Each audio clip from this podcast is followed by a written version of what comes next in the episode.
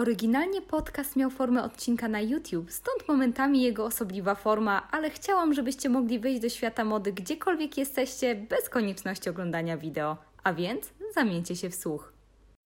Mundurek nonkonformistów, symbol USA i uniwersalny element garderoby obecny od ponad 140 lat.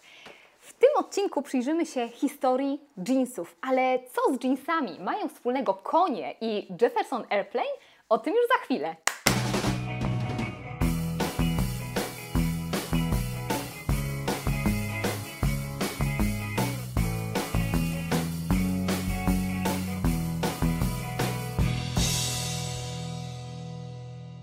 Początki marki sięgają spotkania dwóch żydowskich imigrantów.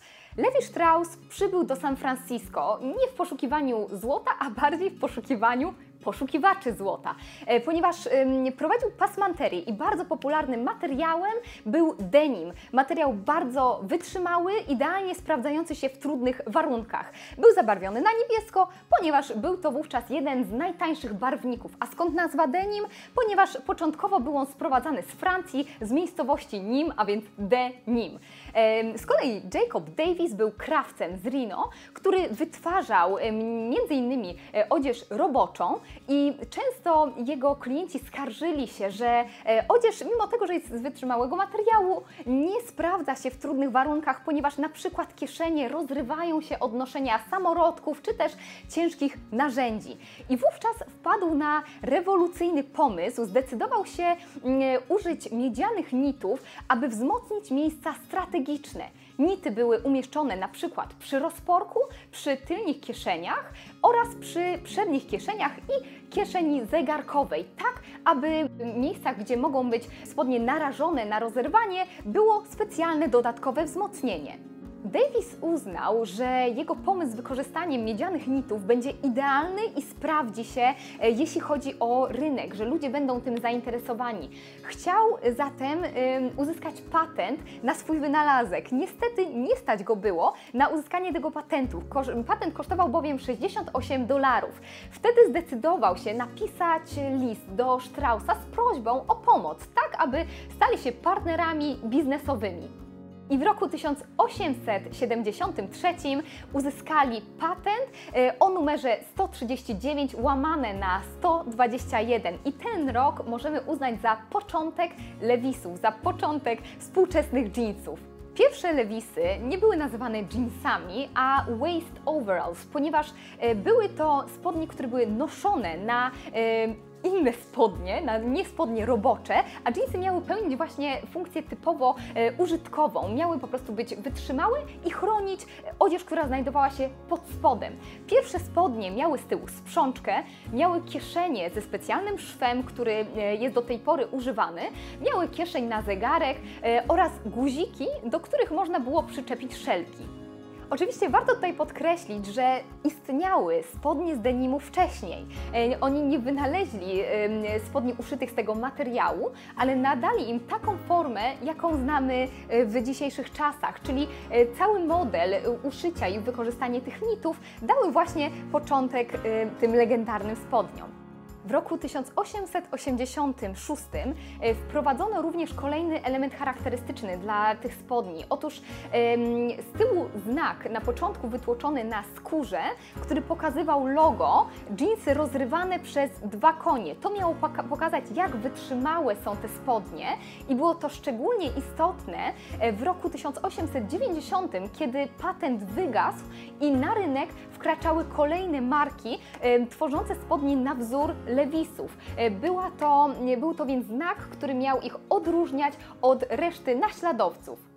Jeansy Lewisa okazały się ogromnym sukcesem. Były niezmiernie popularne wśród poszukiwaczy złota, górników, e, farmerów, czyli e, ludzi, którzy potrzebowali odzieży, która by przetrwała pracę w naprawdę ciężkich warunkach. W roku 1890 zaczęto używać nazwy 501. Dlaczego taki symbol? Niestety firma nie jest pewna, ponieważ w 1906 roku spłonęło archiwum. Początkowo, czyli wcześniej, przed rokiem 1890, spodnie były oznaczane dwoma X-ami, co oznaczało materiał o najwyższej wytrzymałości. Lewisy były sprzedawane za ponad jednego dolara. Nie było to bardzo mało jak na tamte czasy, ale ludzie oczywiście zdawali sobie sprawę z tego, że raz zainwestowane pieniądze po prostu im się opłacą, ponieważ spodnie będą przez długi czas w stanie nienaruszonym. Lewis oczywiście wkrótce stał się milionerem i znanym filantropem w San Francisco. Kolejnym kamieniem milowym w historii marki był rok 1934, kiedy powstały tak zwane spodnie Lady Levis. Oznaczały one spodnie przeznaczone dla kobiet, oczywiście nawiązywały one krojem do spodni męskich.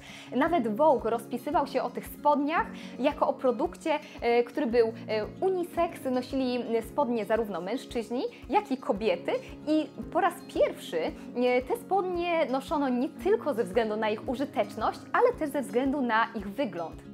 Dwa lata później marka zdecydowała się na wprowadzenie kolejnego, bardzo rozpoznawalnego elementu, jeśli chodzi o lewisy, a więc czerwonej metki przy kieszeni z prawej strony.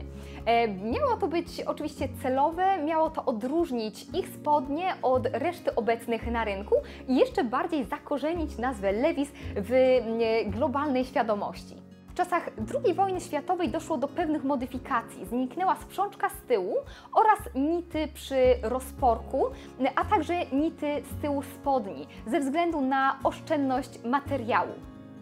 Żołnierze chętnie nosili lewisy e, ze względu na to, że często pojawiali się w nich w Europie. E, lewisy mm, jawiły się w świadomości wielu Europejczyków jako symbol USA, coś, co nie jest dostępne, ponieważ lewisy mm, przez długi czas, aż do niemal lat 80., nie miały swoich firmowych sklepów w Europie. Tutaj warto wspomnieć o rosnącej popularności westernów w latach 40. E, Filmy z Johnem Wayne'em. Oczywiście John Wayne nie mógł mieć na sobie źle skrojonych spodni, spodni, a więc miał e, idealnie dobrane lewisy, e, co sprawiało, że jeszcze więcej osób chciało posiadać ten model jeansów. W latach 50. na pewien czas ponownie pojawiły się nity przy kieszeniach z tyłu, ale e, później zdecydowano się je usunąć ze względu na to, że po prostu rysowały krzesła. I lata 50. jest to moment e, bardzo ważny w historii marki, ponieważ na przykład poprzez takie filmy jak Dziki z Marlonem Brando, gdzie e, muskularny mężczyzna w białym t-shircie, skórzanej kurtce, lewisach jest przywódcą gangu motocyklowego, każdy nastolatek chciał być jak Brando. Nastolatki z kolei chciały być jak Marilyn Monroe, która również pojawiała się w tych spodniach. Lewisy były e, zakazane w wielu szkołach, ponieważ wiązano je z subkulturami młodzieżowymi, a mimo to Lewis wypuścił reklamę, w której e, uznawał lewisy jako idealne spodnie do szkoły. E, później oczywiście otrzymywali masę listów od oburzonych matek, które nie uważały tych spodni jako godnych noszenia w miejscu e, publicznym, takim jak szkoła. Lata 60. były momentem, kiedy Levis e, zaczął oficjalnie używać nazwy jeans, ponieważ co ciekawe, wcześniej e, nazwa jeans była używana jedynie przez nastolatków jako określenie slangowe. Dlaczego? Nie mamy pojęcia.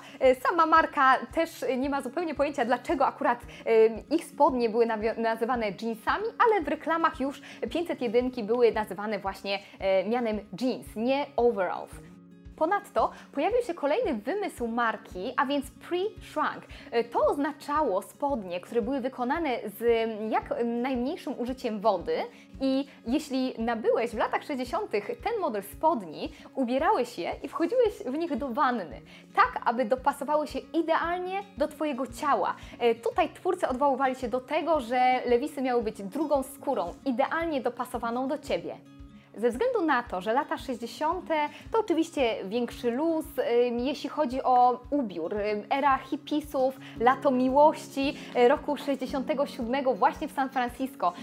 Marka Levi's wówczas zanotowała ogromny, ogromny wzrost sprzedaży.